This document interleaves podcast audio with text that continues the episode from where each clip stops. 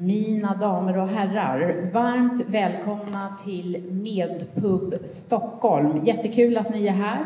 Jag heter Lena Malmberg och är demokratipolitisk talesperson för Medborgerlig Samling. Med mig här ikväll har jag, nu säger jag det igen, två av Sveriges skarpaste hjärnor som har författat boken Älskade public service. Aron Flam och Jens Ganman. En stor applåd! Tack, tack!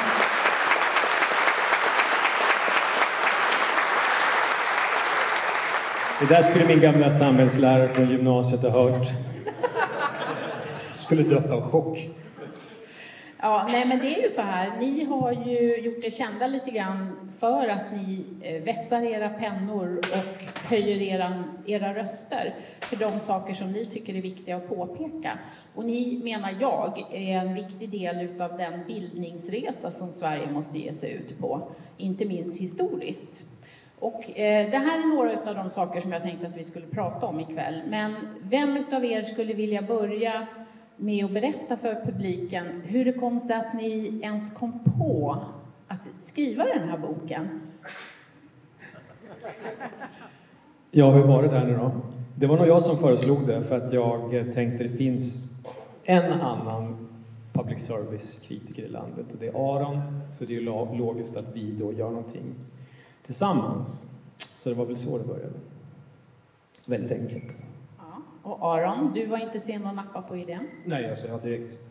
Därför att det var logiskt. Ja, och det, det, är logiskt. Och det här, eh, det ska jag ju inte sticka under stol med, att det, det, är ju inte liksom bara en slump att ni är här, för det här är en av de viktigaste frågor som jag driver också. Det är det här med public service, att det är ett problem. Eh, men det är ju många som inte tycker att det är ett problem. Det som jag, hur, kan vi få en handuppräckning i publiken? Hur många har redan läst boken? Ja, det är några stycken. Då ska ni veta att den kommer att finnas till försäljning här framme sen för, och signering utav herrarna. Men eh, en av de intressantaste aspekterna utav den här boken tycker jag, det är historiken. När man går igenom och tittar på hur det kom sig att public service-bolagen ens blev till. Aron, du har ju djupdykt, du har ju suttit i eh, i Kungliga bibliotekets arkiv och grävt i det här. Kan du dra lite om det som fick dig mest förvånad om historiken kring public service?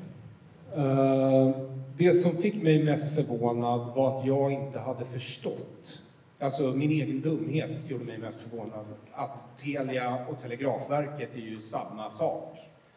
Så när man tittar på historiken för public service så kommer ju tekniken för radiosändningar på 20-talet och då är det en massa glada amatörer ute i landet som börjar sända radio. Då inser myndigheterna direkt att det här kan vi inte låta pågå. Eh, så då införs radiomonopolet. Eh, och det hamnar ju hos Kungliga Telegrafverket. Och sen eh, så kommer 50-talet och då är det ju dags för TVns inträde på världsmarknaden och då är det en massa glada amatörer som genast börjar sända lokal-TV för varandra och eh, då inser ju myndigheterna återigen att det här kan vi inte låta pågå.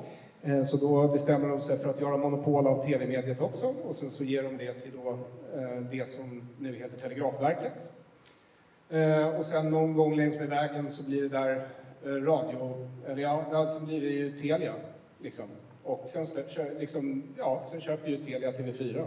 Så när man tittar på utvecklingen över ja, 100 år så uh, inser man att det är skrämmande. Därför att man brukar ju säga i Sverige att public service finns till för att främja demokratin. Men demokratin fanns ju innan public service. Hade det varit så att man måste ha public service för att få demokrati, då hade det ju varit omvänd ordning om vi hade pratat om public service i det antika Grekland vilket det inte gör eftersom det inte fanns. Ehm, så, eh, och man, man, förstår ju att public service, det handlar ju inte om att främja demokratin därför att det finns ju då fria människor som själva vill begagna sig av de här teknikerna, radio och TV. Det får de alltså inte göra. Så det handlar om att kontrollera information och den information som går ut till medborgarna framför allt. Ehm, så man kan säga så här att eh, de skaffade monopol på radio på 20-talet, skaffade monopol eh, på TV på 50-talet. Sen sänder de i ungefär 10 år. Och då märker de, framförallt under slutet av decenniet, så märker de att socialdemokratiska partitidningar ute i landet börjar eh, få ekonomiska bekymmer. Och det är ju inte så konstigt eftersom deras läsare nu kan få sina nyheter via tv-mediet. Så varför skulle de då betala extra för en tidning? Och då blir ju sossarna väldigt oroliga och socialdemokratiska tidningar döper det här fenomenet tidningsdöden. Notera, det här är alltså inte ett fenomen som drabbar andra partiers tidningar eller fria medier i Sverige. Ehm, så då vill de införa ett pressstöd. Och eh, det vill ju inte de andra partierna. Västtyska socialdemokraterna skriver till och med till de svenska socialdemokraterna att det här är ju sånt man håller på med i Östtyskland, att ge pengar till pressen. Ehm, men det spelar ingen roll, så de försöker få igenom det i vanlig ordning. Ehm, det stoppas. Då kommer de på det smarta att vi bakar om det och kallar det för partistöd istället, för då får ju alla partier lika mycket pengar. Och då går det igenom. Och från och med det ögonblicket så kan man säga att partierna i Sverige befinner sig i statens sång. Inte mina ord, hittade i arkivet. De är alltså köpta av staten. För på den tiden innan alla de här systemen infördes så visste man att i demokratiska länder så går det inte till på det här sättet. Utan politiska partier överlever av sina medlemmar som betalar medlemsavgift. Och medier överle överlever på sina läsare, lyssnare eller tittare. Ehm, men eh, de fick igenom partistödet och när partistödet väl var på plats då var det inte så svårt att få till ett pressstöd. Och sen så har ju då public service växt år för år. Det tränger ut fria medier. Det betyder att fria medier behöver mer och mer stöd. Varför public service ska bli större? För att liksom jämna ut och då måste ju medierna ha fler stöd och så har det fortsatt sådär hela vägen upp tills då TV4-affären eh, som OECD för övrigt har sagt eh, innebär en lite för hög ägarkoncentration på den svenska mediemarknaden. Och det är ju då staten som är huvudägare. Så man kan säga att vi har ett problem baserat på hundra år av eh, av historien. Det där var en snabb resumé. Jag tänkte faktiskt uppehålla mig lite grann vid eh, och citera lite ur boken, för att det här är intressant. Det här är alltså snart hundra år sedan, det är eh, 98 år sedan. Då läser jag lite här så får ni dra era egna slutsatser när radion kom till så att säga. Den 30 december 1924, bara några dagar innan bolaget ska gå i sändning, kan jag under rubriken Radiotjänst, nytta och nöje skola förenas i slutet av artikeln, och det ska vi säga, det är du som skriver det här Aron i slutet av artikeln läsa att en radiotidning har dristat sig att rikta skarp kritik mot det av regeringen utsedda programrådets sammansättning. Tydligen hade någon glad amatör ondgjort sig över att Telegrafstyrelsen och Stadskollegiet fått representanter däri medan såväl radioindustrin som rundradioklubbarna alltså de privata utövarna, ställts utanför. Och det här var lite intressant tyckte jag. Eh, och då skriver Aron vidare, vid tiden fanns alltså en subkultur av människor som på egen hand sände radio som staten snart skulle utplåna genom ett monopol på radiosändningar. Det där var lite otippat om jag ska vara ärlig. Varför det? Alltså jag, jag hade, helt ärligt, jag hade inte koll på radiomarknaden i Sverige för hundra år sedan. Så ja, nej, nej, det. det var liksom den men, enda anledningen. Men när ny teknik kommer så brukar ju människor generellt eh, försöka begagna sig av den på olika sätt. Ja, som tryckpressen och annat. Ja, ja. därför att fria människor gör sånt. Var det inte Hans Werthén på Electrolux som var en av de första som började experimentera med tv-sändningar i Sverige? I privat regi från KTH. Ja, som ett experiment. Absolut. Var, han, var det så jag, han, Vet du inte vem Hans Ni vet vem Hans ja, Werthén ja, ja, det vet vi. Ja. En gammal gubbe. Apropå som var industriman. en, en vit medelålders cisman. Vi kan bortse från honom just därför. Men jag tror att det var han i alla fall. Grundaren, eller skaparen, eller VDn för Electrolux. Ganska stort företag. Mm. Ifall jag missat det. Ja. Nej, men Gjorde dammsugare. Precis. Ja, men det vet vi. Ja. Eh, ja, och sen om man läser vidare, för då kommer vi, precis som du säger Aron, fram till 50-talet och TVn. Eh, och då är det också ganska framsynt så här, så jag, jag, väljer att läsa en passus till, för att jag fick flera sådana här wow-upplevelser när jag läste den här eh, Throwback Thursday. Det är ju lite Throwback Thursday över det här. Eh, så står det så här, då har du skrivit. Eh, du skall icke hava begär till efter din nästas TV. Då var föregångslandet Sverige ett av få länder väster om järnridån som inte hade TV. I Balans, tidskrift för samhällsekonomisk debatt nummer 5, 1954, skriver Sven-Ivar Ivarsson i en ledare med rubriken Bryt statsmonopolet i eten att vi har aldrig haft någon yttrandefrihet i eten. Ivarsson skriver att radioledningen bestämmer vilka åsikter som får framföras och att genom radiomonopolets ställning av offentligt organ får de åsikter som tillåts bli framförda en sorts guldkantad auktorisation som söver kritiken. Och då tänker jag att det är ju så här det är nu. Exakt. Det där är inte mina ord. De där Nej, det var Ivarsson som, Ja. men du har skrivit om det i boken, för Ja. det här har du eh, plockat fram i arkiven. Ja, så är det. Eh, och återigen, jag är förvånad över att folk var så framsynta på den tiden och att det inte har hänt så mycket. Eh, utan det är ju samma typ av åsiktsmonopol vi har idag, eller hur? Jag tror jag har rätt, det har blivit värre. Det har blivit värre därför att på den tiden så fanns det större frihet. Det var inte lika många regler kring allt och det var inte lika höga skatter och systemet hade inte fått verka tillräckligt länge. Nej, det fanns väl ett och annat sånt där privat initiativ också. Vad hette de som var ute och, och sände från den här båten? Radio Nord. Nord. ja precis. Eh, vad, vad sa du? Korrekt. Kotschack? Okej. Och där ser man ju tydligt hur staten behandlar folk som försöker använda sig av de här medierna. De stänger ner dem. Varför gör de det då? De spelade bara musik i radion. Ja, de sänder reklam också, om vi ska vara ärliga. Okej De var kapitalister. Men eh, kom, några av er här ser ut att vara gamla nog att komma ihåg när vi lurades att dra nylonstrumpa över TV. Vilka kommer ihåg det? Är det någon som var med och gjorde det? Ja. Jag tycker att det går en rak linje mellan det där och den här manipuleringen vi ser idag av, av public service. Och även när Hyland fick folk att eh, tända och slå av lyset där så att hela Rågsved blinkade, eller om det var hela Sverige i alla fall. Vi har ju drillats i det här tänket sedan ja, 50-talet, när det gäller i alla fall TV, att vi ska lyda propåer från, som kommer ur TV-rutan. Eh, ni kanske noterade att det kom en eh, mycket lägligt en antologi häromdagen som talade om att public service är opartiska. Såg ni det? Eh, om ni inte har läst den så kan ni få en kort sammanfattning om ni går in på min Substack, för jag har läst den. Eh, jag tror ingen på SR och SVT eller UR har läst den, men alla hänvisade genast till den. Den här antologin där bland annat Jesper Strömbäck, heter han så, är med. En helt opolitisk forskare. Och om ni kikar in på hans Facebook så det är faktiskt en fest. Eh, för det är ju lika intressant att fråga sig, de som utreder ifall public service är oberoende, är de oberoende? Och i det här, svaret så tror jag att, i det här fallet så tror jag vi kan säga att, att eh, det inte är så. Så jag skrev då en text om det här och ringde även upp upphovsmannen till den här antologin som heter Johannes Bjärling. Bjärling. Så vi hade en mejlkonversation igår. Eh, jag tror han blev lite sur på mig för jag frågade då varför det var så viktigt att den här antologin skulle komma ut just nu. Jag sa faktiskt inte att den kanske hade med vår bok att göra, jag antydde inte ens det.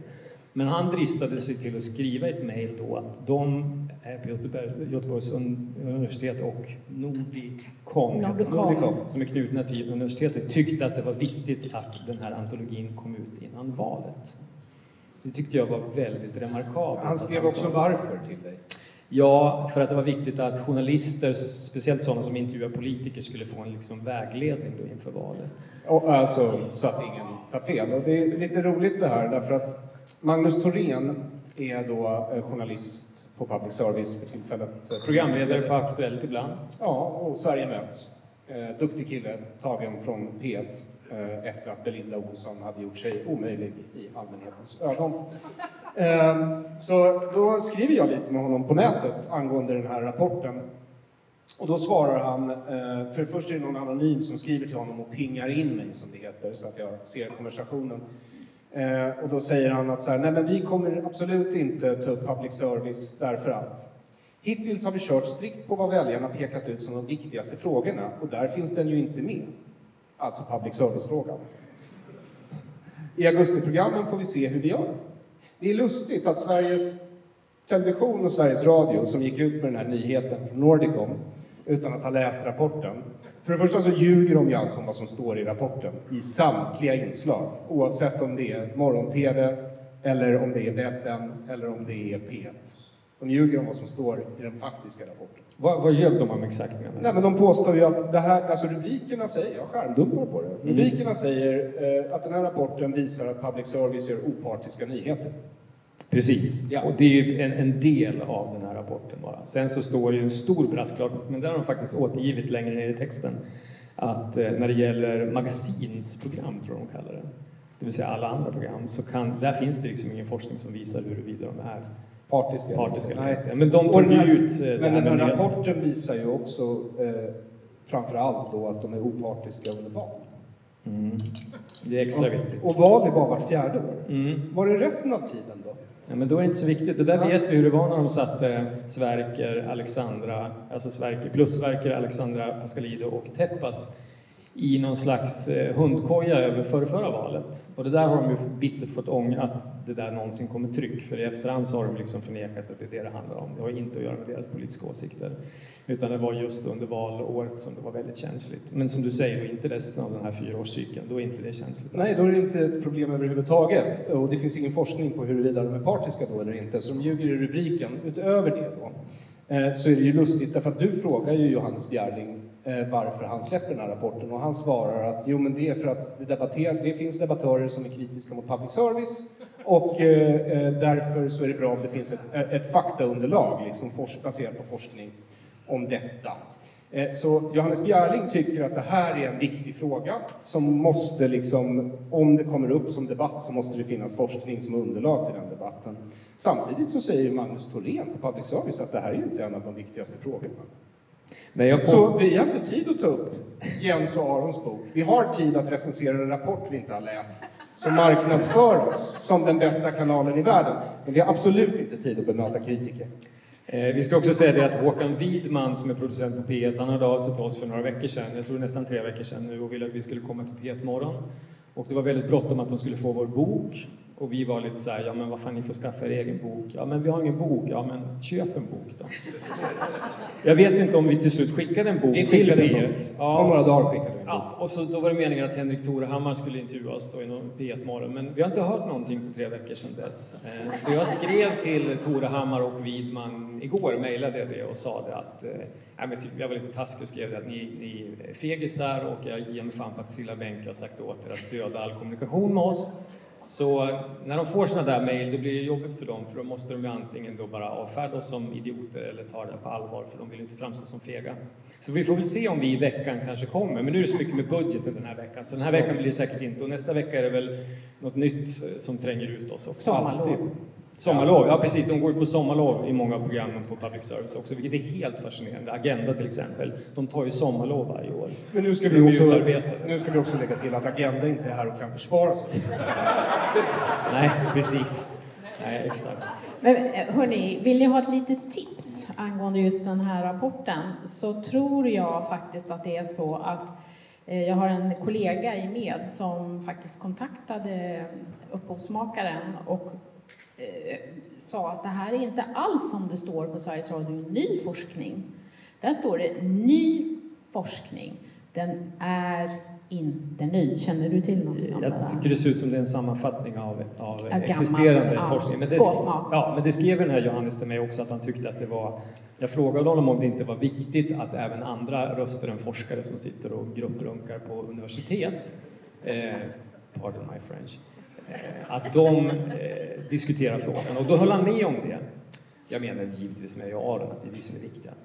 Bara för att reta dem. Men, men då sa han så här att det, det, det viktigaste var att den här forskningen eh, kring public service, diskussionen kring public service, service utgick från existerande eller befintlig forskning. Och då ska man ha klart för sig att alla de här forskarna, de flesta av dem som har skrivit de här rapporterna och dragit slutsatser av olika panel eh, gallups och sånt här, har ju inte jobbat i företaget så länge som jag och Aron har gjort. Och eh, även om någon skrev på Twitter igår, tror jag var, att, det var, att vi var två yahoos som hade skrivit en bok, så har vi ändå, om man pratar om empiri, för det var ju någonting jag tryckte på, empirisk forskning. Vi har ju empiri för vi har jobbat åt det här jävla företaget. Jag har jobbat åt dem till och från sedan 89. Så jag har liksom empiri up the wazoo, eller vad heter det? På fötterna. Ja, jag har på fötterna. Jag tycker ju forskning är väldigt viktigt. Nu tror jag inte att den här rapporten är det. Jag tror inte den är forskning, jag tror det är beställningsjobb. Sen får de säga vad de vill. Eh, Men, men förlåt, vad var det du sa nu? För det var... Ja, bara att det var väldigt lägligt att den här antologin dök upp strax efter att vår, vi hade släppt vår eh, bok och den går att ladda ner gratis och några av dem som ligger bakom den här rapporten har tydlig Eh, vänstervridning och det är säkert så att det inte alls spelar in i deras forskning. Men när man går in på Jesper Strömbäcks Facebook, det, jag tror det första jag såg det var att han hade, han hade tipsat om en debattartikel av Annie Lööf tror jag. Och så var- stod det mycket bra Annie och så scrollar man ner och så har han tipsat från Antje Jackelén, Rosén på Aftonbladet, ehm, eh, Liljestrand, min favorit, min namne. Med flera, med flera, med flera. Så det, var, det känns som att deras filterbubbla är lika inavlad som din och min. Fast det här är inte en filterbubbla, därför att de har ljugit om en rapport. Eh, och vi har det på skärmdump. Oh ja. Så jag påstår att de ljuger. Men vad ljuger de exakt om menar du då? Att de är opartiska eller? Ja. Men de, ja, och sen är det där hur man då värderar att man är opartisk, för det är någonting som de tassar på tå kring hela tiden, för det går ju inte riktigt att, att mäta det. Och sen finns det ett kapitel i antologin som handlar om att de som konsumerar public service, de är oftast mer välinformerade än andra människor. Ja, och då skrev jag i den här Substack-artikeln att, att förmodligen ju, tror ju ryssarna att de är välinformerade om kriget i Ukraina. På samma sätt så tror många svenskar att de är välinformerade om, om orsakerna till regeringens integrationshaveri eller till de långsiktiga konsekvenserna av deras kriminalpolitik. Och de tror verkligen det för att de är välinformerade. Eh, Jag re- rekommenderar att gå in Läs gärna den här antologin om ni har tid, men det kommer ni inte orka. Så gå in på min Substack och läs sammanfattningen. Jag har plockat ut de bästa citaten där. Och ny forskning. Och ny forskning. Så kan ni hänvisa till mig att ni åtminstone har skumläst den. Men det var en annan grej i den här antologin som var så fascinerande, för de skrev det på något ställe att eh, många svenskar har högt förtroende för public service, även om de inte konsumerar det alls. Jo, Och det tycker inte jag är ett gott betyg, men det lyfter de liksom fram som att det är så institutionaliserat så att folk behöver inte ens titta på TV och lyssna på radio för att veta att de har rätt. Där borde det ringa varningsklockor hos Hanna Stjärn och Cilla Bänke och Sofia Badensjö Karén på UR, men det gör det inte. Så fort den här rapporten kom så eh, fick jag påhälsning på min Twitter av eh, digitala stormtrupper från vänster eh, som ville påpeka att här nu finns forskning som bevisar att jag och Jens har fel.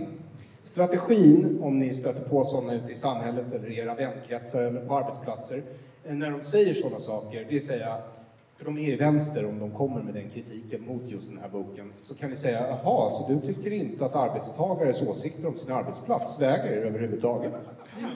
Det låter som en klassförrädare i mina öron. Jag, jag har den här rapporten här eh, och jag har läst din Substack också. Jag tänkte läsa en, en liten passus som du tog upp där på Substack också. Så nu får du ett citat till. Eh, det blir det tredje citatet nu.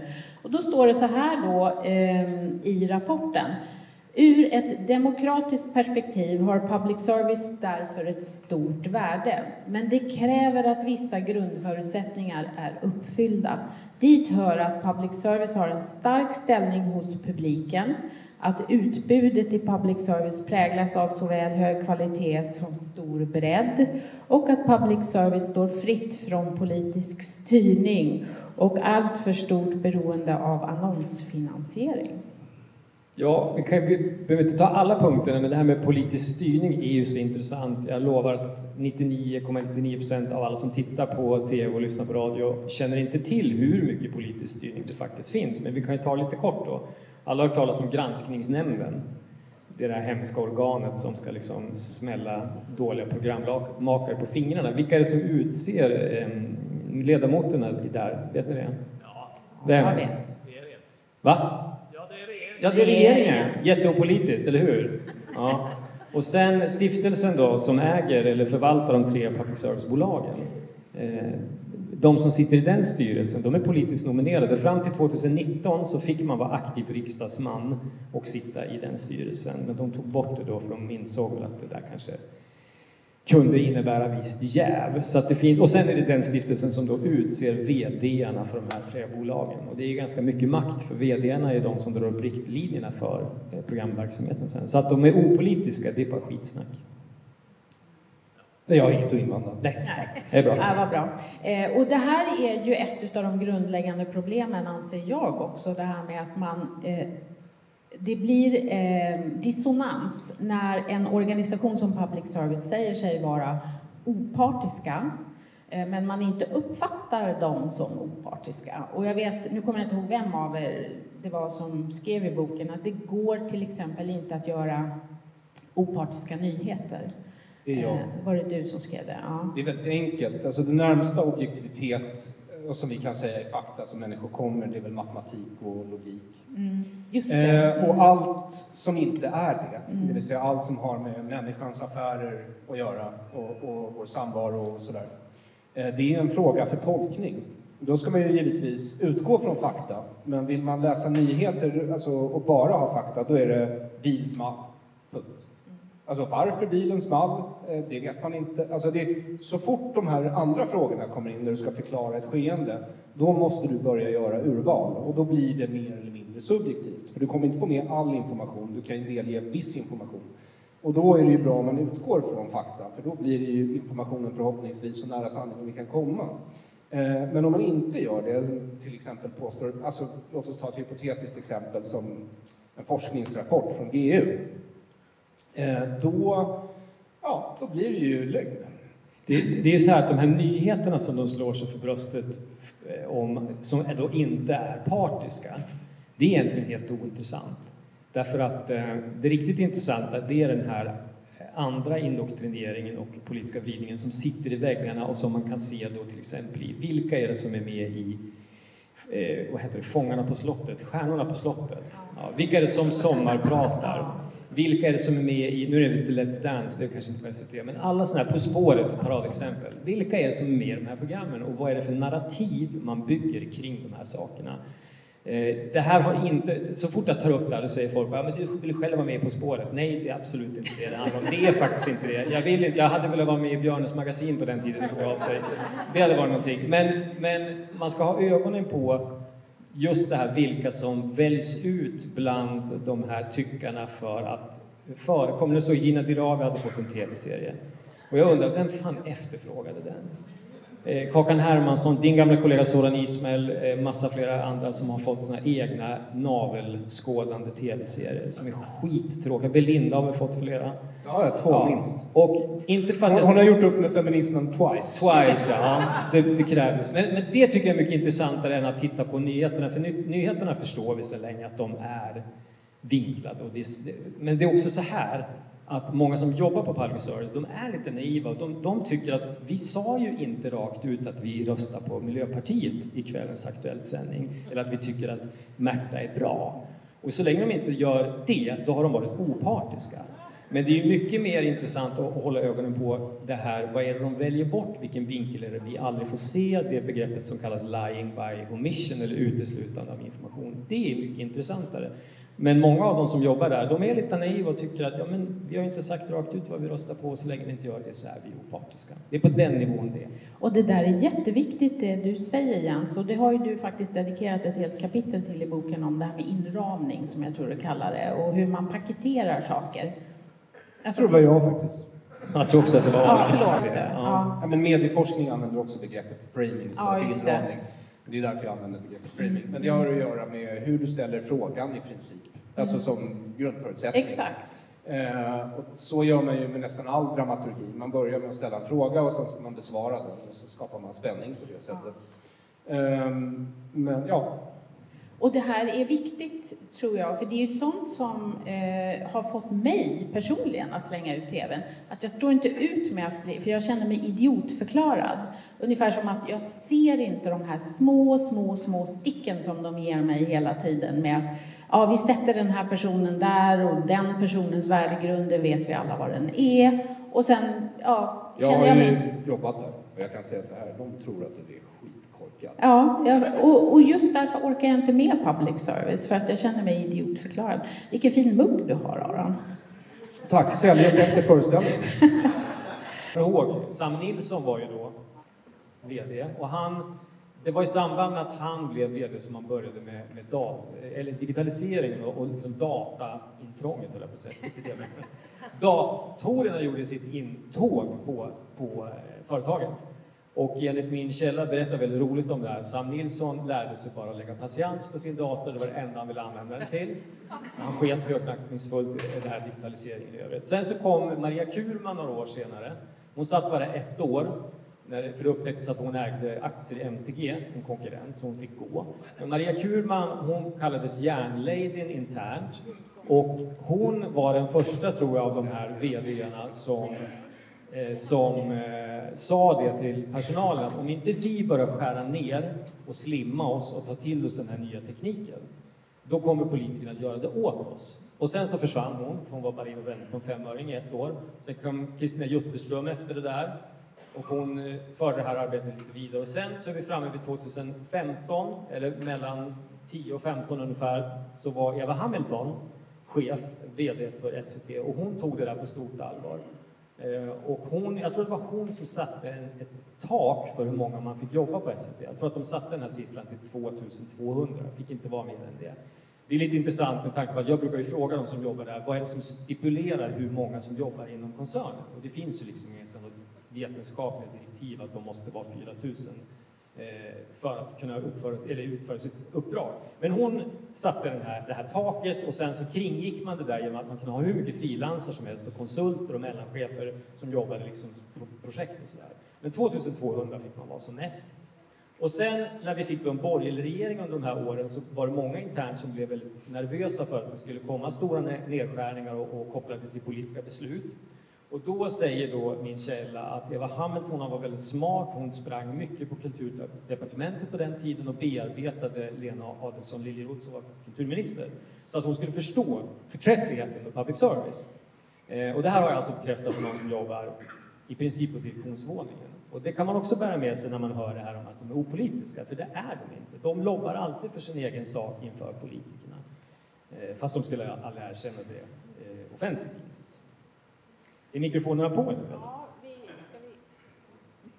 Vi testar nu igen, ska vi se om vi kan få det att funka. Kan du hålla dig lite i närheten en stund bara, för att det blev förfärlig rundgång helt plötsligt.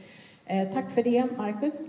Eh, ja, och då är det ju den här opartiskheten då, eftersom man å ena sidan hävdar bestämt att man är opartiska, men ändå inte uppfattas på det sättet. Finns det en lösning på problemet? Aron, du nickar. Absolut. Vad är lösningen? Lösningen är att avfinansiera public service, avskaffa pressstödet, partistödet. Jag svartlista alla som har jobbat där, deras barn, eh, barnbarn och så vidare. Det är lösningen. Nej men lösningen är på riktigt, avfinansiera schabraket. Ja, och sen vill du riva byggnaderna och salta jorden Ja, men jag kan men kompromissa om det där, ja. men allvarligt talat. och Liksom, om de ljuger om en undersökning som ska visa hur förträffliga de är. De klarar inte ens av att hålla sig till sanningen när de fått beröm, så måste de överdriva. Men jag tror på... Ja, låter som jag är Är det berusad. där bak? Eh, jag tror på fullaste allvar att många av de här som jobbar på SRST, de, de läste... Du har ju rapporten där. De hade gjort det så pedagogiskt i den att eh, i för varje kapitel, så liksom längst ner så, så fanns det en liten sån här... Eh, ungefär som en sån här spade. En rund ring där det stod ja eller nej. Och så var frågan då längst upp till exempel, är public service partiskt? Så kunde man hoppa direkt ner till Den där? eller en glad gubbe. Glad gubbe, ja. Och, och den glada gubben här, då står det public service är uppskattat, men inte lika mycket av alla. Och den frågan löd alltså, vad tycker medborgarna om public service? Och så har de en glad gubbe. En sån Så här att- smiley. Så alla skumläsande, stressade redaktörer då på Ekot och på Agenda och de här kan bara tanka hem den här pdf och så snabbt läsa igenom, kolla rubriken. Ja, ja, ja, ja, vi är opartiska, bla, bla, bla, bla. Det är precis så det går till. Så det var därför jag tyckte det var viktigt att någon läste den. Så jag läste den och tog ut en del citat och, och lade det på, på eh, min Substack och då blev de här vänsterstormtrupperna då givetvis knäpptysta, för de orkar inte läsa den här jävla antologin. Det är klart att de inte gör det. Men när jag i förrgår la ut att den hade kommit och att det var lite intressant då i förhållande till min och Arons bok, Timingen, då fick vi höra att vi var ju bara två idioter som inte kunde någonting och vi är inte riktiga forskare, etc. etc. Jag skrev ju, när jag skrev om den här rapporten, så skrev jag på Twitter, som av en ren slump. Om de sen läser in ironi i det, då är det inte mitt problem. Jag skrev, det var en ren slump. Det kom en rapport två månader efter att vi har sålt ut första upplagan av den enda kritiska boken mot public service i svensk historia. Men. Eller hur? Alltså det var precis så jag uppfattade det här, att tajmingen. Och en fråga till som vi faktiskt ställde till upphovsmannen. Det, det ena var om det här att det inte var ny forskning och vi bad att få det bekräftat. Och den andra frågan är vem som har finansierat. Men då fick vi svaret att det ingår i de här Nordicoms uppdrag. För det vet vi ju allihopa. Vet ni vilka som har finansierat? Det är vi! Det är vi! Det är ju så. Det är ju på vår nota hela tiden. Mm. Det stod ju lite grann i den här nya forskningen, eller gammal nya eller nygamla forskningen, att eh, de erkänner ju det att många som är lite konservativa eller kanske röstar högerut, där är ju förtroendet inte så stort eller så högt. Men då är det alltid underförstått att men det är liksom inte riktiga människor. Så det spelar ingen roll, utan det är vad de här vänster och mittenmänniskorna tycker. Och om förtroendet är högt där, då är det okej. Okay. Så för jag, ja, bara sammanfattningsvis, logiken är alltså Public service är inte opartiska. Människor som röstar vänster tycker att de är jättebra. Människor som röstar höger har inget förtroende för dem. There you go. Det är logiken. Jo, men de var väldigt snabba också. Och med, de plockade den här rubriken, vad var det stod på både SR och SVT? Ny forskning visar public service är opartiska. Ja. Och jag såg den där först och tänkte att har vi ett svenskt The Onion? Finns det en svensk humorsajt? Är det någon som skojar med det här? Men jag tror de ser det inte som, de ser inte humorn i det där. Att de på en gång liksom plockar russinen ur den här antologin. För de hade kunnat skriva, för det står nämligen i antologin att det finns faktiskt en, en, risk för politisk bias i vissa program och det finns en del invändningar faktiskt. Men de plockade inte upp några av dem utan de tog bara fasta på den här glada gubben. Opartiska, folk som tittar på SVT är välinformerade även om de inte tittar på SVT. Och för mig, det här är ju satir, men jag tror att de ser inte det på det sättet. För de har levat i sin, apropå filterbubblor, så länge och den är så stor och de har så mycket resurser. Bara som ett exempel, när Nicke Nylander gjorde en taskig intervju, en misslyckad intervju med, med Jimmy Åkesson här för två år sedan, så fick hon en massa hot och det är helt förkastligt. Man ska inte hota journalister, man ska inte hota någon. Men de fick, de fick 100 miljoner på ett bräde eh, av riksdagen efter det. Och det de angav då, det, det var liksom den händelsen och någonting med Karina Bergfeldt. Det kostade oss skattebetalare 100 miljoner fick de sådär. Och en grej de har gjort för det, då, det är ju att valla in entréerna där på SR och SVT så man numera inte kan gå ända fram till eh, de har, satt upp, de har säkert gjort en massa mer också. Men, men alltså de Säkerhetsanordningar då? Ja, liksom. precis. Men det är väldigt tydligt att för makten, den politiska makten så är SR och SVT oerhört viktigt. Ja. Och, och sen har vi, skydds, så har vi SOU 2022 kolon 2, om jag inte minns helt fel, där det alltså ligger som förslag nu att eh, kritik som riktas mot public service-journalister eller andra journalister inom pressstödsmedia ska räknas som hot. Så nu vill de alltså göra det olagligt att kritisera nyheter. För det första så begär de alltså att vi inte ska tro våra egna öron och öron. Det vill säga... Öron och ögon? Ögon, förlåt. Tack. Eh, när, alltså public service är opartiska, det kan man ju se med blotta ögat att de inte är. Så de begär oss att vi inte ska tro på våra egna sinnen. Det är vad de begär oss. Får jag berätta, berätta en rolig anekdot från P4 Jämtland? Gärna, jag har jobbat där och jag har säkert skrivit om den här i något sammanhang, men jag tycker att det här är så nästan lite rörande. Eh, min dåvarande chef, jag ska inte säga vem det var, men det här, det här säger en del om vem som kan få jobb på företaget. Eh, det, det, var som något ur en film, alltså typ, eh, jag vet inte vad jag ska jämföra det med, men något av Jacques Tati eller Rosa Pantern eller något sånt där. Clouseau, en sån människa som fick jobb och blev kanalchef. Vet du vem Clouseau är? Rosa Pantern. A bumbling fool, som man skulle säga på engelska. Och eh, jag var på honom ganska mycket om att vi borde träna personalen någon gång på att ta scenarion som var jobbiga ur ett publicistiskt perspektiv, sånt som hade med namnpublicering att göra eller om det var olika etniska grupperingar inblandade i något brott eller sånt där. Hur hanterar vi det här? För jag såg aldrig att vi tränade på det. Det fanns liksom inga direktiv någonstans i den här public service-handboken som alla får. Och det kändes som att så på det sätt Sverige hade utvecklat sig så hade det blivit en ny verklighet som vi hade svårt att förhålla oss till. För det hände saker hela tiden, även i lilla Östersund, som det var svårt och komplicerat att, att eh, rapportera kring. Och han sa, ja visst, det ska vi göra någon dag. Liksom. Ja, och jag tjatade om det där flera gånger och jag frågade kollegorna, vore inte det intressant att göra liksom en liten workshop kring det här? Ja, de fattade inte riktigt vad jag menar för de var upptagna med den här godisklubben som de hade. True story. Den ska ni läsa om i boken. Den finns med i boken när de satt och provsmakade godis. Och, i och för sig på tio kaffet så det var inte på arbetstid men det blev ett jävla bråk om det där för att jag var dum nog att skriva på Facebook om att vi hade en godisklubb på P4 Jämtland där journalisterna satt och testade godis. Och, hon, Johanna Wachtdahl som var ordförande i godisklubben hon blev så jävla förbannad. Hon bara sprang genom huset där och skrek att jag var en jävla idiot. Hon kom, jag satt och klippte ljud in i en studio och bara slet upp dörren. Har du skrivit om Godisklubben på Facebook?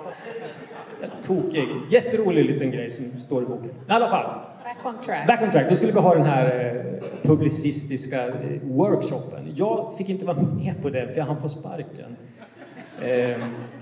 Eller jag blev så utfasad. Men jag hade några kompisar som jobbade kvar och fick vara med på den här. Och det, en av dem har beskrivit det så här då, att kanalchefen eh, under, med myndig min rullade in en whiteboard framför kollegiet. Och så hade han tänkt ut ett antal scenarion som var då komplicerade för oss journalister som vi skulle ta ställning till.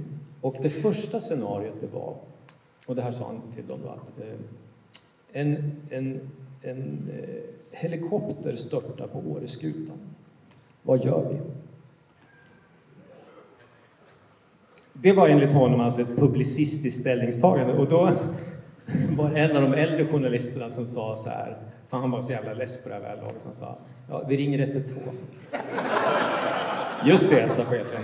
Bra! Ring 112. Och så där fortsatte det. Och han hade inte fattat överhuvudtaget vad jag menade med det här med publicistik och, och, och liksom hur man behandlar känsliga samhällsfrågor.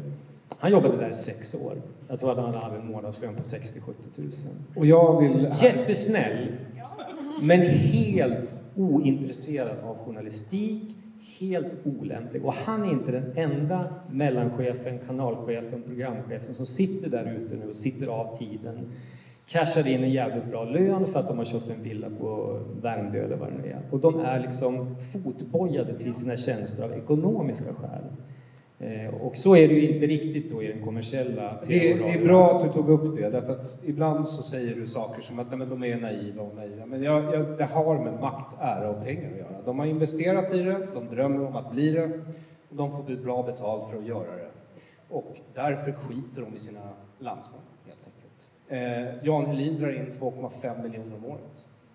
Men han var mycket noga med att berätta att när han slutade på Aftonbladet så gick han ner i lön. Mm. Så vi skulle tycka synd om honom. Ja, fruktansvärt synd om Jan Helin. Han sitter och gråter i villan i Bromma. Egenstickad eh. offerkofta. Men hörni, jag, jag, skulle gärna vilja fortsätta spinna på den här tråden. Eh, kapitlet nepotism. Det är Jens det är Ja, det var ditt kapitel. Mm. Det heter Din mamma jobbar inte här. Eller? Ja, för det är en icke helt ointressant eh, bit utav hela det här med public service. Oh ja, oh ja. Vi har ju konstaterat att det här med klanvälden är något ja. väldigt destruktivt i resten av samhället. När det är ute i de så kallade utanförskapsområden eller utomkontrollsområdena som jag kallar det. Då är eh, klanvälde något dåligt. Det har skrivits böcker om det här. Det har skrivits eh, den här för boken Familjen, jättebra, och andra böcker. Men klanväldena inne på public service har de inga problem med. Så att jag ägnar, eller vi har ägnat ett kapitel åt att ta några bara av dem som vi hittat. Det finns jättemånga. Sen finns det en massa andra sådana här förbindelser mellan kompisar som anställer kompisar och sådär. Eh, och det är klart att det färgar hur det de producerar. Så är det klart, helt klart. Nepotism är aldrig bra. Jag, jag träffade en professor i konst och humor, alltså kombinationen mellan konst och humor, tysk kille, Olaf Westfalen. Eh, och berättade, vi träffades i ett eh, komiskt sammanhang där det var många komiker med andra ord. Alltså inte, det var inte särskilt roligt, det var bara fullt av komiker. Eh, och eh, han hade träffat SVT Humors chef på en komedifestival i New York och eh, frågade mig ehm, eh, er chef för SVT Humor, fast på engelska då, eh, eh, han verkar inte ha någon humor. Hur eh, tänkte ni där? Och det är för att Mats Grimberg, som han heter, han är inte här för att kunna försvara sig. Han är jättetrevlig. Ja, en jättetrevlig DJ från Halmstad vars kompisar alla blev chefer på SVT. Och sen frågade honom när hans DJ-karriär var lite på dekis, man ska ta hand om humoravdelningen på SVT istället. Och nu är han chef för SVT Humor. Så varje gång ni ser på Johanna Nordström eller liknande så kan ni tänka det. Det här är talanglösa fån. Fast han har, ju, han har ju också producerat Svenska nyheter där jag har jobbat. Och det var ju ganska bra. Återigen. Passa dig Eh, bara, passa dig. Se vad jag menar? Det var, det, de kan faktiskt vara väldigt bra ibland, Svenska nyheter. Jag vet att vi, vi, det, det som är så intressant med mig och Aron är att vi tycker faktiskt inte lika om allting. Vi, vi har vissa grejer som vi är jätteoense om. Som vad då till exempel? Ehm, ja, men jag tror att Aron är lite mer, eftersom jag vet inte varför det har blivit så, men jag, vi känner ju båda många som jobbar inne på, på Och är bygget. jag är till och med fortfarande kompis med vissa som jobbar där. Ja, men, och Jag vet inte om de är kompisar med mig. men du vill ju plöja ner dem i jorden och mörda dem. Jag inte riktigt det är oetiskt. Jag har sagt att jag vill montera ner byggnaderna sten för Ja, ja, sten. sten för jag sten. sagt i jorden. Just det. Sen har Jag, jag sagt nu här, lite så här vid sidan av, att de kanske borde svartlistas och deras barn, barnbarn. Men bortsett från det så har jag en väldigt resonlig inställning. du, du är eh, den svenska public service-debattens svar på Kaiser Söze. Mördar till och med husdjuren och alla som någonsin har haft någonting med det här att göra.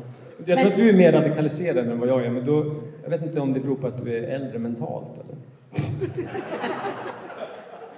Det beror kanske på att jag inte är en del av majoritetsbefolkningen och har fått uppleva public service från det hållet. Så kan det vara. Just det, han drog minoritetskortet ja. Kan inte jag göra. Jo, jag kan dra har, har, man, har man rekryterat som judiskt alibi en sådär fyra, fem gånger så börjar man se ett mönster. Men kan man inte dra det kortet som jämte? Jo, alltså när jag började jobba för P3 på, i slutet på 80-talet. Hör du hur det låter? Slutet på 80-talet. Då var det lite faktiskt så att ja, men Jens är lite rolig för han är från Norrland. Exakt. Alltså, så då Jens fick inte heller sitt jobb på Talang.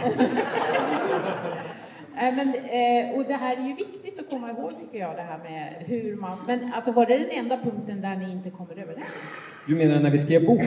Nej, överhuvudtaget, för du säger att ni tycker olika, Nej, men alltså, vilket jag, är bra. Aron är drogliberal. Jag har aldrig smakat alkohol i hela mitt liv nej. faktiskt. Eller någon drog överhuvudtaget. Så vi är ganska olika som personer, vilket jag tycker är en styrka. Om man tittar på de här som har skrivit den här antologin, jag kan inte alla, Nej. bakgrunden till alla, men, men jag, vid en snabb genomgång så kändes det som att de kommer lite från samma tanke. Men är inte det här hela problemet idag med den växande, det som ofantliga sektorn? Alltså det, de Men som... Innan, innan du ställer den här Ja, frågan, jag vill påpeka att jag Ja. kanske är narkotikaliberal, men jag kommer i tid. Touché! Verkligen t-shirt. Och jag kom in med en plastpåse som en heroinist. Svettig, förvirrad. Ja. Mm.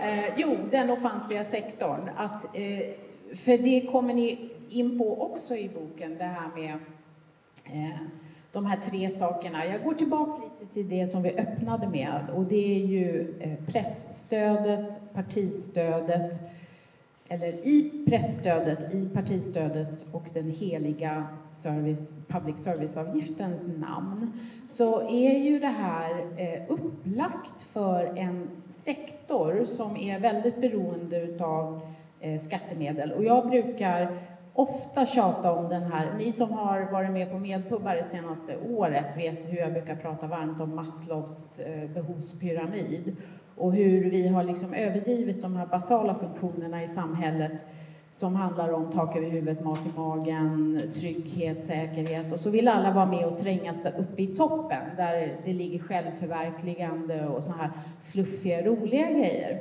Genus. Genus, precis. Och där uppe på toppen, den här har ju vuxit sig så abnormt stor Och eh, ju större public service blir, ju större... För hur många är det nu inom organisationen? Som I de tre bolagen tillsammans är det drygt 4 000. Det är lika många som CNN har worldwide. Precis, du brukar göra den jämförelsen och det är ju ganska fascinerande. Och då täcker CNN hur många länder? 250 plus eller något ja. sånt där och når. Och, Men det är samma med alla de här stora amerikanska mediebolagen. Att de har, eh, jag tror att Fox har 7 500 så de är lite större. De är oerhört teknikintensiva ja. och de har bra täckning på folk. Samtidigt har vi ungefär 4 000 människor då som ska hålla koll på 10 miljoner drygt invånare i Sverige. Våra eh, handlers. Ja, och eh, handlers, precis. Och samtidigt då, för nu såg jag att man skulle, eh, ut, det finns planer på att utvidga public services närvaro i, lokalt också. Hur kommer det att slå på det här nu då?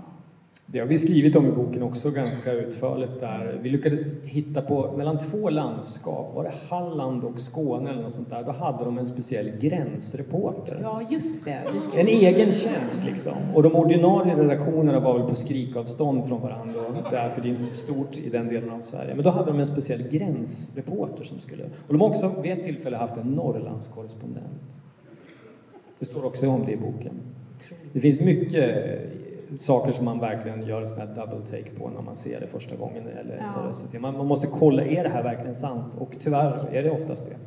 Ja. Det låter som, som skoj. Men en, en anekdot ja. ur boken som ja. jag tycker är så talande om public service eh, hipphetskomplex, för de har ett sånt också. Berätta om det här med Lasse Winnerbäck, för jag tycker det är så jäkla talande. Eh, Okej, okay. så som ung 25-årig klar finansstudent så eh, jag hade en dubbelexamen i finans och film. Jag ville syssla med filmproduktion och så, så fick jag ett erbjudande om att bli kanalchef på ZTV Eh, som på den tiden var nedlagt. Eh, det hade flyttats från sin kanalplats. Kanal 6 hade fått kanalplatsen och eh, jag hade fått jobbet för att jag hade en idé om att man skulle göra ZTV till en hemsida. Det här var 2005, så Youtube hade liksom lanserats för bara någon månad tidigare. Jag tyckte att man skulle digitalisera allt innehåll och liksom göra det eh, fritt eh, för alla. Vad var det? Ja, just det. Så, så, jag kommer dit till kontoret, Münchenbryggeriet här i Stockholm och öppnar min företrädares e-mail det är ju det första som möter en nyanställd vanligtvis. Och eh, då är det liksom tusentals obesvarade e-mail. Och en inte oansenlig del av alla dessa e-mails eh, var förfrågningar om att ZTV skulle börja spela Lars Winnerbäck. Som ju var en ny kille, en alltså för mig, komet. Helt, helt okänd. Alltså jag är uppvuxen i Stockholm, så jag är inte som Jens, en bonläpp liksom, som lyssnar på gnällig gubbrock. Eh, men, men, eh, men jag är ändå marknadsorienterad och kände ett ansvar som chef, som jag hade blivit anställd som, och tänkte att om det här är vad våra lyssnare vill ha, det är en kommersiell kanal, då är det fan det vi ska spela. Så jag pilar ner till Tony Solias som sitter i källaren. Han är ZTVs DJ. Han har fått det jobbet för att han ett tag på 90-talet var en cool DJ på Stockholms stadsklubbar och hade lite kompisar i koncernen. Eh, men eftersom det är ett privat företag som i och för sig får statsbidrag. Men, men eh, ändå. Så jag går ner till Tony Solias, stirrar in i hans tjocka ansikte och säger till honom vi ska spela mer Lars Winnerbäck. Och då säger han nej, det ska vi inte. Och jag tittar på honom därför att när jag var 25 så tänkte jag att jag, menar, jag är chef här, han är min drönare. Eh, han ska bara göra vad jag säger. Eh, no questions asked. Eh, det var så jag såg på andra människor på den tiden. Eh, det har inte förbättrats nämnvärt. Men, men men, men, han säger nej och jag bara, jaha, eh, vad, vad, vad, vad då då? Och då säger han, nej men jag och tjejerna på P3 har bestämt att vi ska inte spela det där. Och jag bara, tjejerna på P3? Förlåt? Han bara, ja musikläggarna, alltså de som bestämmer vad som ska spelas i radio, vi har en deal om att vi kommer aldrig spela Winnerbäck. Jag bara, varför det? Ja, men för vi tycker han är töntig. Eh, och jag tänkte nog inte på det då, för det var 2005. Eh, men så här i efterhand så har jag väl på något sätt kommit att förstå att eh, Lars Winnerbäck är populär utanför tullarna i storstäderna Och därför är han töntig. Det är alltså en stad-land-fråga primärt. Plus också att de kanske anade att han vurmade lite för mycket för Sverige eller något. Vem vet? Nej, han är sosse så det gör han inte. Nej, men han, han, var i alla fall, han var i alla fall, det här var 2005 och då var Lars Winnerbäck deplattformerad. Det tog säkert 15 år innan jag som ståuppkomiker satt i en tågkupé och såg honom på omslaget av kupé. Det finaste som kan hända en människa i Sverige efter På spåret.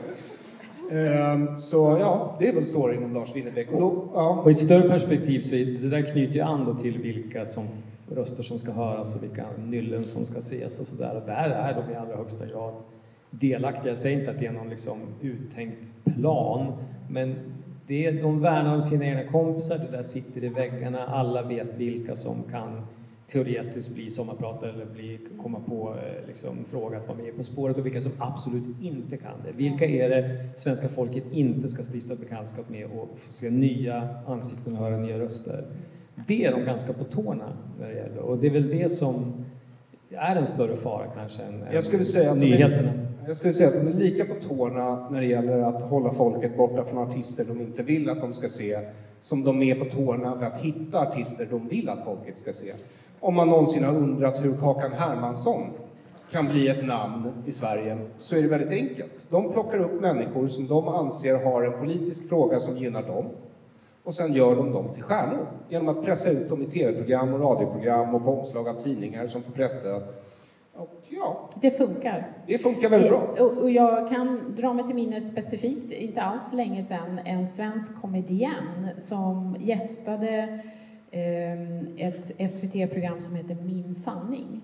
Och det här var en komedienn som jag aldrig hade hört talas om, för att jag är inte i den bubblan, eller i de kretsarna.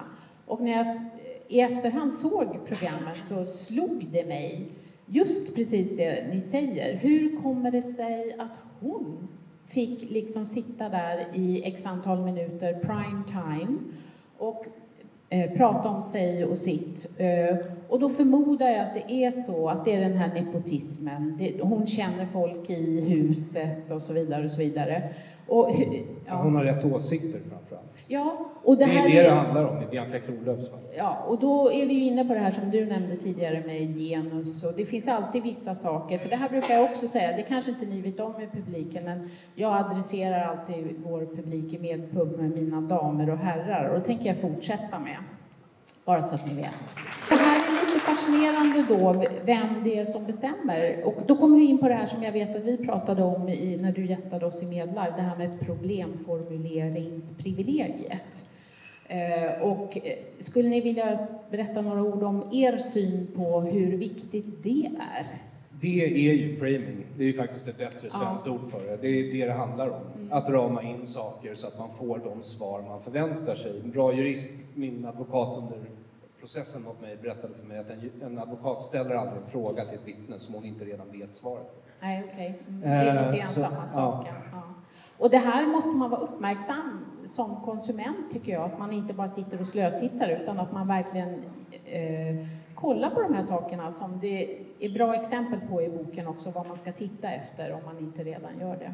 Man kan se den här boken lite som en, en handbok i, Ja. om man vill argumentera mot människor som då tycker att public service är jättebra och det finns inga fel.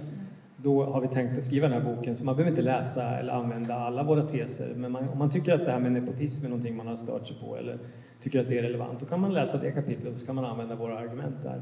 Men vi får väl se om vi någon gång behöver skriva en uppföljare till den här. Jag tycker att det är så intressant att... Jag ska inte säga, det låter väldigt bittert att säga att, att public service har försökt tiga ihjäl boken. Den har varit ute i, länge har varit ute? i Sex veckor eller någonting. Eh, Det är inte jätteofta det kommer en sån bok. Och jag menar, ett företag med 4 000 anställda och 10 miljarder i budget. Och två före detta medarbetare som skriver en sån här bok. Men det här Ja. var väl det bästa kvittot egentligen? Jo, visst var det det. Men Ja. det är lite subtilt mellan raderna, för de flesta Ja. skiter i den där antologin. Ja. Men, men eh, de borde inte vara ett dugg rädda för oss. De skulle kunna liksom, "Nej, men kom och prata om Men det är ju det bok." som är så fascinerande, de är rädda för er. Det Jag tolkar det som som är att de tycker att det är obehagligt att vi har skrivit den här boken och de vet inte riktigt vilket program Nej. det är som ska behöva ta in de här två stollarna i fem minuter så de kan sitta där och ranta. Men Mm. någon måste ju göra det förr eller senare. Är det inte. P1 Morgon eller är det Karlavagnen? Kan de ringa till Karlavagnen sent? Eller liksom, kan vi städa undan dem på någon jävla SVT Forum, SVT 24 eller Personligen så tror jag att lögnare alltid är rädda för sanningssägare. Jo, lögnare eller latmaskar eller vad det nu är de är rädda för. Men jag lovar dig att vi skickade ju boken till de tre VDarna innan det gick i tryck. Och så sa vi så här, nu får ni läsa den och har ni några invändningar eller kompletteringar så hör gärna av er. Och det gjorde de inte, de fick en deadline på en vecka. Eh, Det hade de mycket enkelt kunnat läsa. Till slut så kom det då från en kommunikatör efter typ tio dagar eller någonting. Han hade skumläst boken som han sa. Skumläst. Ungefär som jag skumläste antologin. Eh, och eh, hade några invändningar då som var lite konstiga tyckte vi. Och de har vi tryckt i andra upplagan av boken med våra kommentarer Ja, till det. Så vi har haft en kommunikation med, med public service om den här boken. Men Det var på din inrådan ska jag säga. Du är väldigt välvillig. Jag vet sen, eller jag är övertygad sedan många år om att våra, våra kontrahenter här i Sverige är inte välvilliga. De ljuger utan att känna skam. Så mitt intresse av att få svar från dem var noll. Och vi fick väl ungefär det jag sa till dig att vi kunde förvänta oss. Ja, det var ju någonting där som var lite extra intressant i hans svar. Kommer du ihåg vad det var? Som han hade, det var någon grej han hade snöat in på som jag tyckte var så himla konstigt. Dels var det här pe- penibla BLM-upproret inne på Ja, berätta SR. för Ja, publiken. men det är ju det roligaste som har hänt i modern tid, att de fick ett eget Black Lives Matter-upprop inne på, på fina Sveriges Radio. De kan ju tänka dig Silla Benke, hon måste ha fått satt kvälls teet i halsen hon såg liksom att vad fan ska de ut och bråka om det? De är inte nöjda med att de har fått jobb. Men det gjorde de och det kan då finnas vissa poänger i den kritik som Maja Abdullah och eh, Palmira Kokari Benga, heter hon så? Jag är osäker på hennes namn. Men de två drev det här. Och det där slutade med att enligt dem så blev de omplacerade och fick inte täcka vissa frågor. De fick inte göra reportage om till exempel Black Lives Matter. Eh, och eh, cheferna där då, den här kommunikatören hävdar att så var det inte alls. Men det fanns ganska tydligt, de hade själva skrivit om det här och Edgar, vad heter han som är son? Mannheimer. Edgar Mannheimer som är vit och, hade, och han är son till Eh, eh, Cecilia Uddén. apropå nepotism. Han sa ju det, jag skrev under det här upproret, jag fick inte samma direktiv som mina svarta kollegor. Eh, Så hela den där lilla farsen är ju Och det är, inte så fantastisk. konst, ja, men det är inte så konstigt, därför att om man, om man använder identitetspolitisk teori i praktiken, då blir det rasism, sexism eller eh, liksom, Oh ja. Fobi det- gentemot sexuella eh, preferenser. Det blottar ju hyckleriet också. Ja. Det, och det är ju på sin plats att göra, att blotta det här hyckleriet. Men jag måste få ställa en följdfråga. Det händer ju inte så ofta. Men eh, apropå det här med att ni inte har hört tillbaka från dem. Men ni som har bra försänkningar bakom murarna. Eh, har ni inte hört någonting through the grapevine? Liksom, eh, Jo då. Få höra. Är det någonting ni kan dela med er? Nej, men att det är väl ungefär kanske 10 procent av de som jobbar där som håller med oss i sak. Och så är det 10 procent som är åt andra hållet som är superaktivistiska och så Ja. är det den här breda mitt, Annie Och Lööf vad är de är mest oroade för eh, huslånet? Sin försörjning. Ja, huslånet. Sin försörjning. Ja, Men får jag låna, vad heter sista, eller vad heter sista kapitlet? Jag vet ju typ vad de heter. Men jag, ett kapitel apropå det här heter ju någonting med Ku Klux Klan. Ja, just det. Eh, vad är det den heter? Makt, va?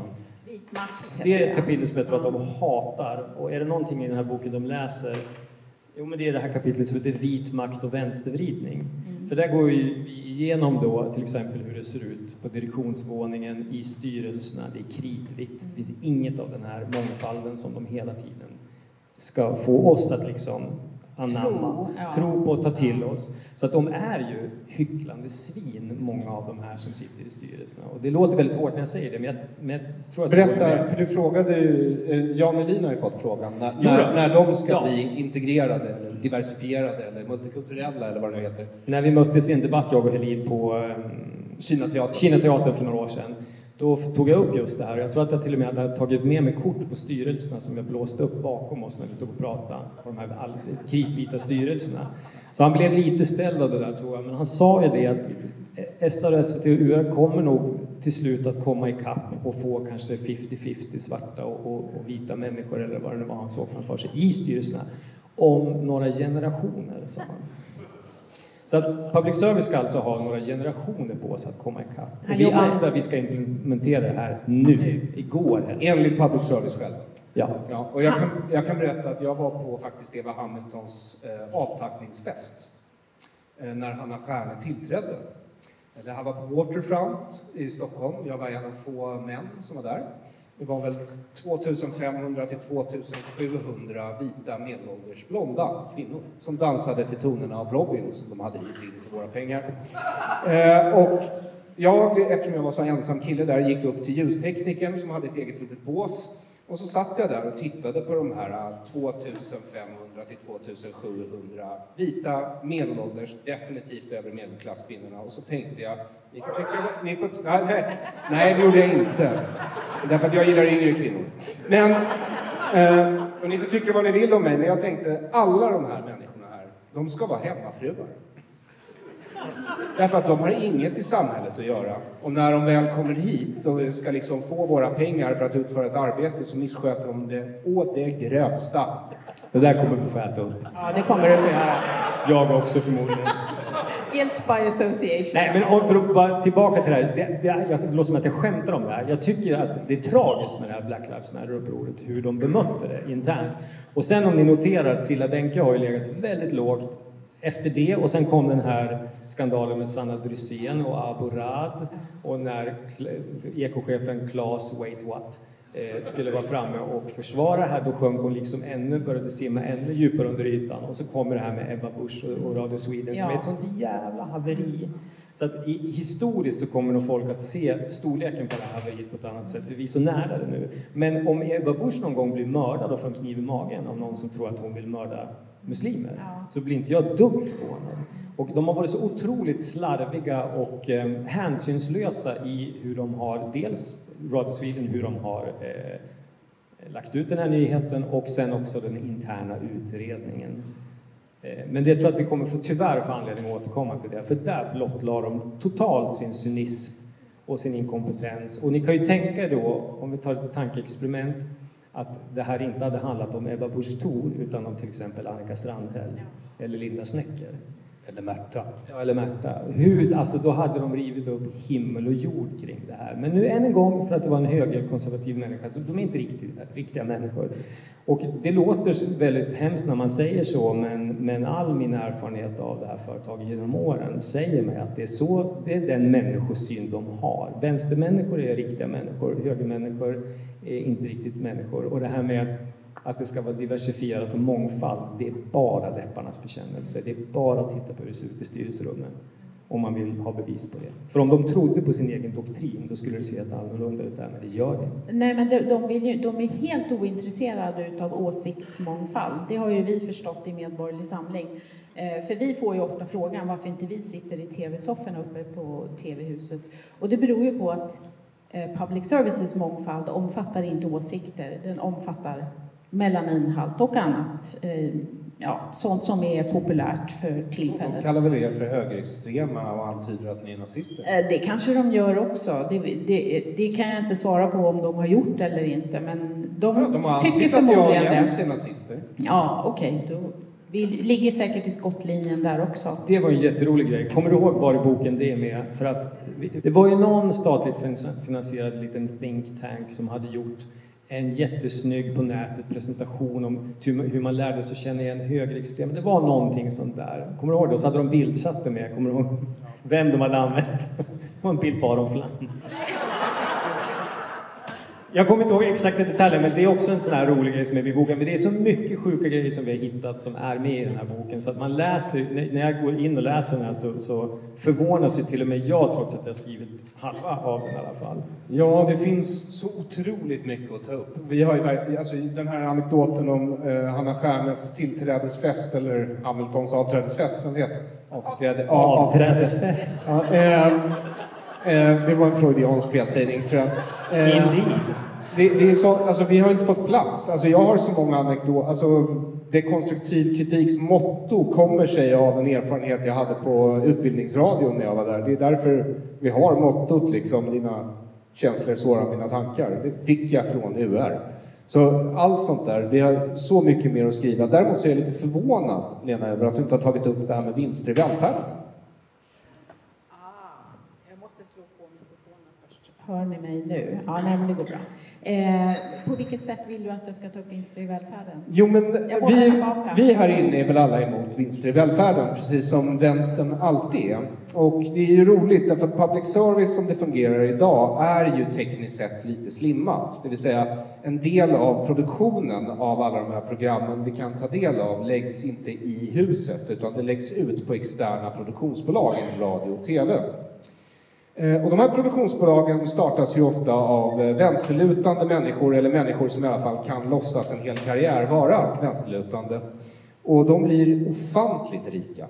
Peter Settman som grundade Baluba eh, gjorde nästan allt åt SVT. Det var som att han hade buntavtal med dem. I princip varenda humorproduktion la de på Peter Settman som hade grundat Valuba. Det här bolagets värde stiger ju enormt mycket såklart därför att de har Sveriges största mediehus som kund. Och sen kan han sälja det och kanske hem 130 miljoner eller vad det nu var.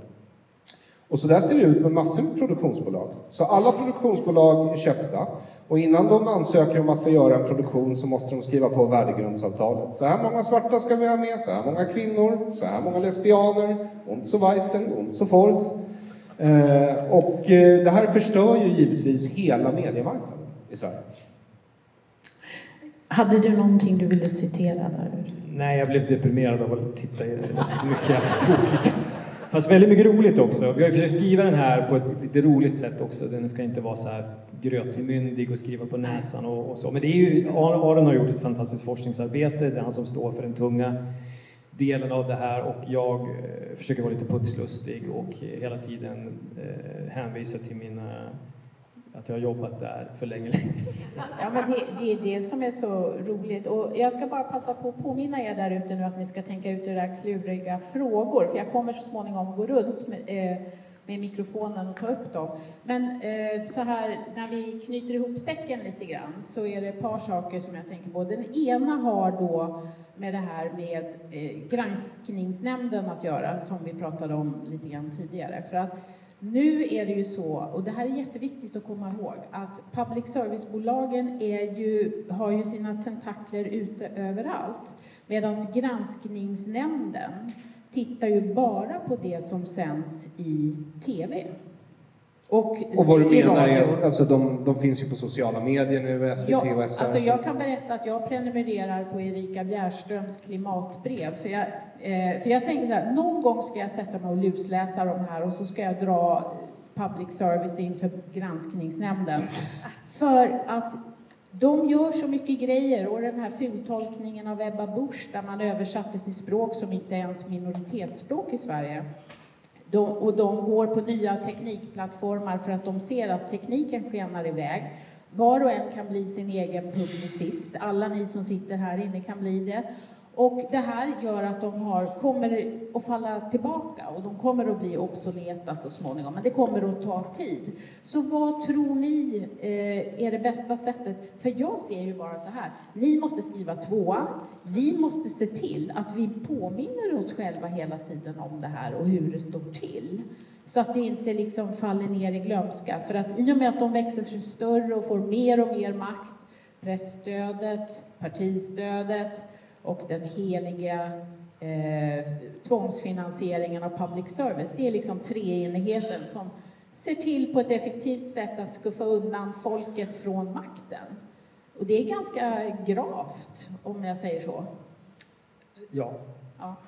Okej. Jag bara tänkte om ni hade några så här Alltså avslutande det, ord att ja, säga det jag vill här. säga är, eh, tro inte att ni kan anmäla dem till granskningsnämnden. Det enda som kommer funka i längden är eh, politiskt tryck, för att uttrycka det snällt. Ehm, för att uttrycka det mindre snällt, eh, hot om våld. Eh, därför, nej, därför att enda gången sossarna har backat från ett förslag i modern tid, det är löntagarfonderna. Och det krävdes att hela Sverige gick ut och marscherade till Rosenbad. Fast det var ju inte våld. Men Kurt Nicolin gick Hot- i alla fall... hot om våld. Han gick om först i det här demonstrationståget och när de kom fram till kanslihuset då vägrade Palme komma ner och ta emot den här luntan. Vilket var ett, ett missgrepp, för det hade sett bättre ut om han hade gjort det. Mm. Så att det större effekt när han stod på andra våningen och bara tittade ut Tittade på. Nicolin. Det var väldigt roligt. Lite balkongmoment där. Men det är väl enda gången som Moderaterna har orkat protestera mot någonting någonsin. Så. Ja, Sista. och jag gick, Sista också. ja. Jag gick faktiskt med min pappa i det demonstrationståget. Det var min första demonstration. Pappa och jag åkte in till stan och demonstrerade mot löntagarfonderna. Eh, mina herrar, så trevligt att ha er här. Och nu tänker jag så här, nu kommer vi och eh, bra, jag ser att det kommer upp händer i luften.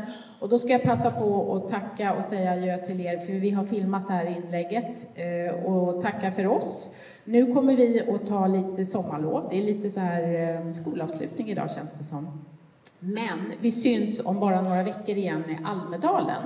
Och då kommer vi att ha livesändningar eh, fy, söndag, måndag, tisdag, onsdag. Fyra kvällar ifrån Almedalen där vi ska prata om allt från energiproblematik, skolor, vård, demokratifrågor och annat. Så eh, kolla oss på vår Youtube-kanal där, Eh, kan jag väl säga. Eh, så syns vi då. Tack Aron och stort tack Jens. Tack båda två. Vi hörs och syns.